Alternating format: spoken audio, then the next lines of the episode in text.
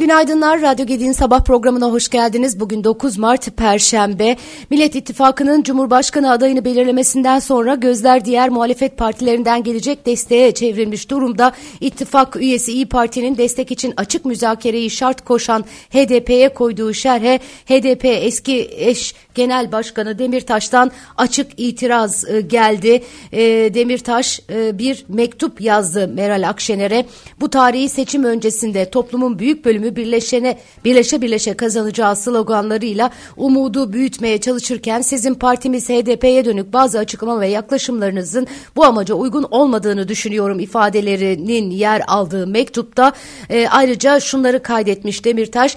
Siz Millet İttifakı'nın bir parçası olarak kendi ittifakınızdaki partilerle bile kıran kırana bir müzakere yürüttünüz. Size hak olan müzakere siyaseti HDP için neden bir hak değil? HDP destek kararı alırsa Sayın Kılıçdaroğlu çok yüksek olasılıkla Cumhurbaşkanı olacak ve siz de Cumhurbaşkanı yardımcısı olacaksınız. Ayrıca partiniz birkaç bakanlık görevi üstlenecek. Açık açık sormam gerekiyor. HDP'li seçmen olarak benim oyumu istiyor musunuz? Benim de oyumla Cumhurbaşkanlığı yardımcılığı ve bakanlık koltuklarına oturacağınıza göre beni neden ikna et etmeyi düşünüyor. Beni nasıl ikna etmeyi düşünüyorsunuz? Akşener önceki gün katıldığı bir programda CHP'yi HDP ile görüşebilir ama talepleri bize asla getiremez demişti. Akşener'in bu sözleri HDP ile dolaylı diyaloğa kapı araladığı şeklinde yorumlanmıştı.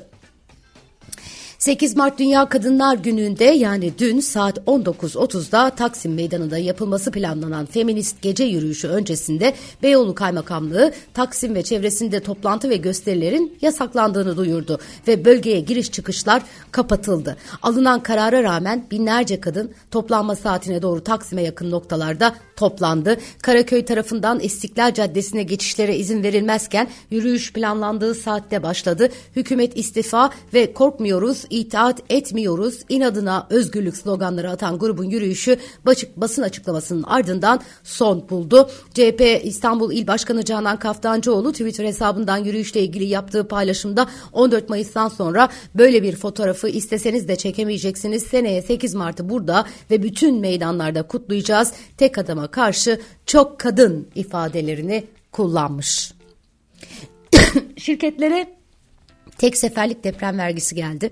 Deprem nedeniyle nedeniyle e, şirketlere ek vergi getirildi. Bu kapsamda mecliste görüşülen borç yapılandırma yasasında önergeyle yeni maddeler e, yer aldı. Buna göre kurumlar vergisi ödeyen mükelleflerden tek seferlik yüzde on tutarında ek vergi alınacak. Yaklaşık 22 bin mükellef bu ek vergiden etkilenecek. Depremden etkilenen 11 il ve Sivas'ın Gürün ilçesindeki kurumlar vergisi mükellefleri kapsam dışında tutulacak, hesaplanacak ve bu verginin ilk tahsilatı, e, ilk taksiti e, kurumlar vergisinin ödeme süresi içinde ikinci taksiti bu süreyi takip eden dördüncü ayda ödenecek. Hesaplanan söz konusu vergi gider ve indirim olarak dikkate alınmayacak. Kurumlar vergisi geçici vergi ve e, tevkif sur, e, suretiyle kesilen vergilerle varsa yurt dışında ödenen vergiler dahil hiçbir vergiden mahsup edilmesine imkan tanınmayacak.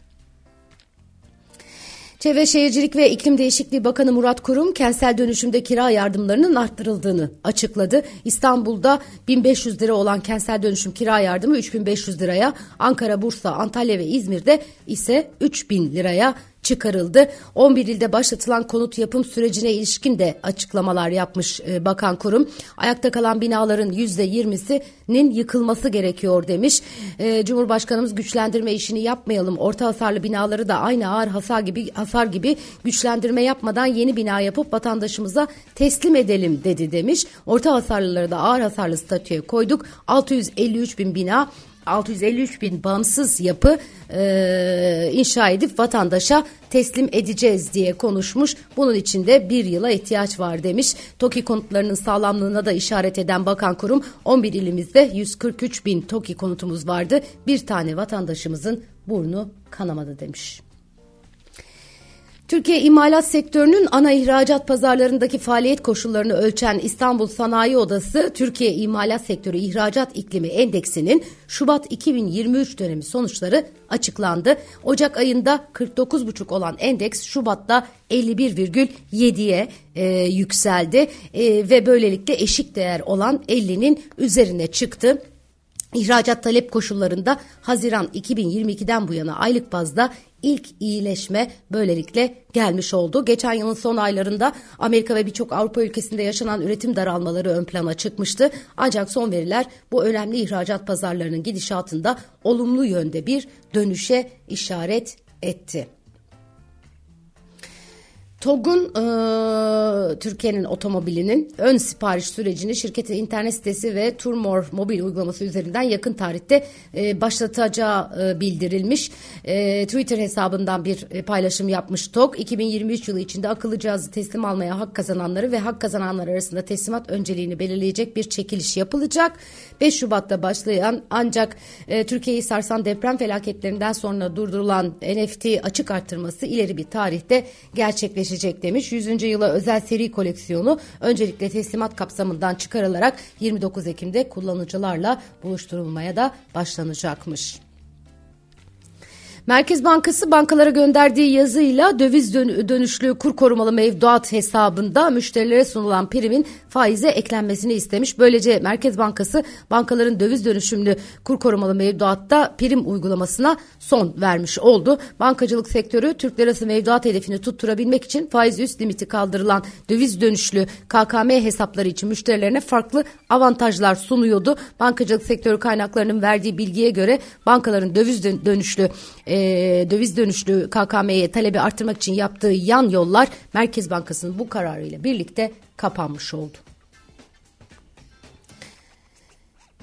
Evet, e, bu arada e, Türkiye ile Suriye arasında Rusya'nın arabuluculuğunda Aralık ayı sonunda başlayan süreçte ikinci aşamaya geçiliyor. İran'ın resmen katılımıyla dörtlü formata evrilen süreç kapsamında Türkiye, Suriye, Rusya ve İran Dışişleri Bakan Yardımcıları önümüzdeki hafta Moskova'da bir araya geleceklermiş.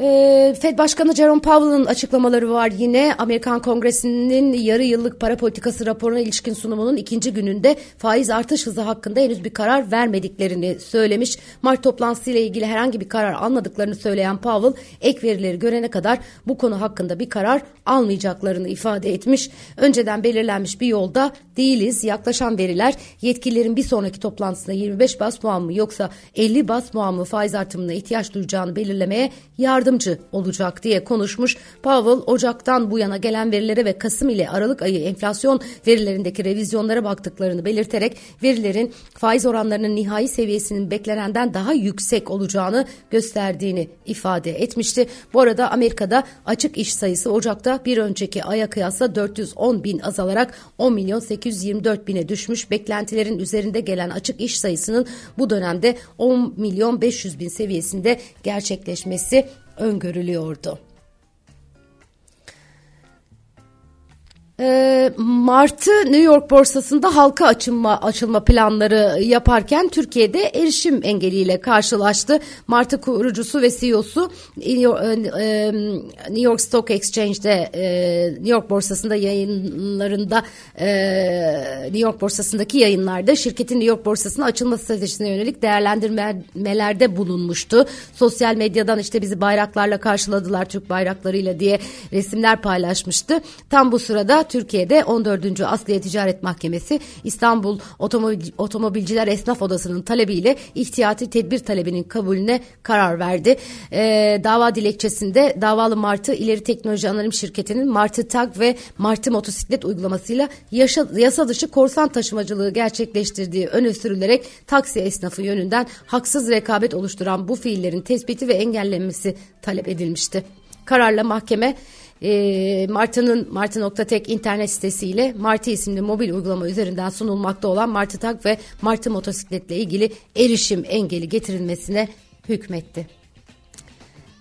E, alternatif bir e, ulaşım aracından bahsediyoruz. Belli bir düzenleme gerektirdiğini hep konuşuyoruz e, şehre ne kadar uygun değil vesaire tartışıyoruz. Ama taksicilere rakip diye e, buna engellenmesi, bunun bu e, alternatifin e, engellenmesi çok da makul, mantıklı gelmedi açıkçası bana. Başka şekillerde tartışılmalı ve ortak bir fayda vatandaş için ortaya konmalıydı diye düşünüyorum şahsen ben.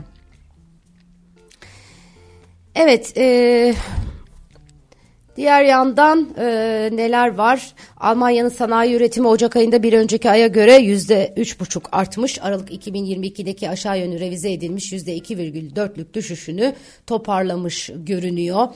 E, diğer yandan... E, başka neler var? Şöyle bir bakıyorum kaçırdığım bir şey olmasın. ÖSYM'nin bir açıklaması vardı. Bu yılki 17-18 e, Haziran'da yapılacak 2023 Yüksek Öğrenim Kurumları sınavı için başvuruların alınmaya başlandığını duyurdu ÖSYM. Depremlerin meydana geldiği Hatay, Adıyaman, Kahramanmaraş ve Malatya'da sınavın yapılmayacağını da açıkladı.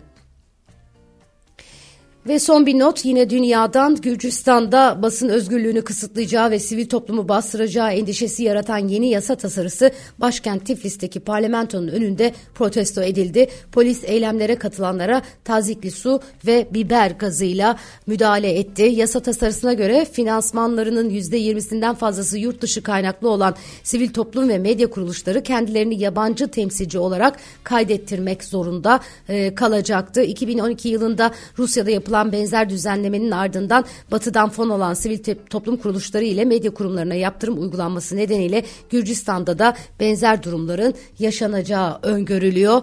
Ee, bunun bu nedenle de e, protesto ediliyor. Protesto demişken Yunanistan'da gerçekleşen e, tren kazasının ardından hala orada protestolar var. 57 kişinin hayatını kay, e, kaybettiği kazanın ardından Ulaştırma Bakanı istifa etmişti hatırlarsanız ve e, Yunanistan Başbakanı da kazada ölenlerin ailelerinden özür dilemişti. Demiryolu işçileri güvenlik protokollerinin geliştirilmesi yönündeki taleplerinin yıllardır dikkate alınmadığını bildiriyor ve hala ülkede vatandaşlar Yunanistan'da kaza nedeniyle protestolarını sürdürüyor.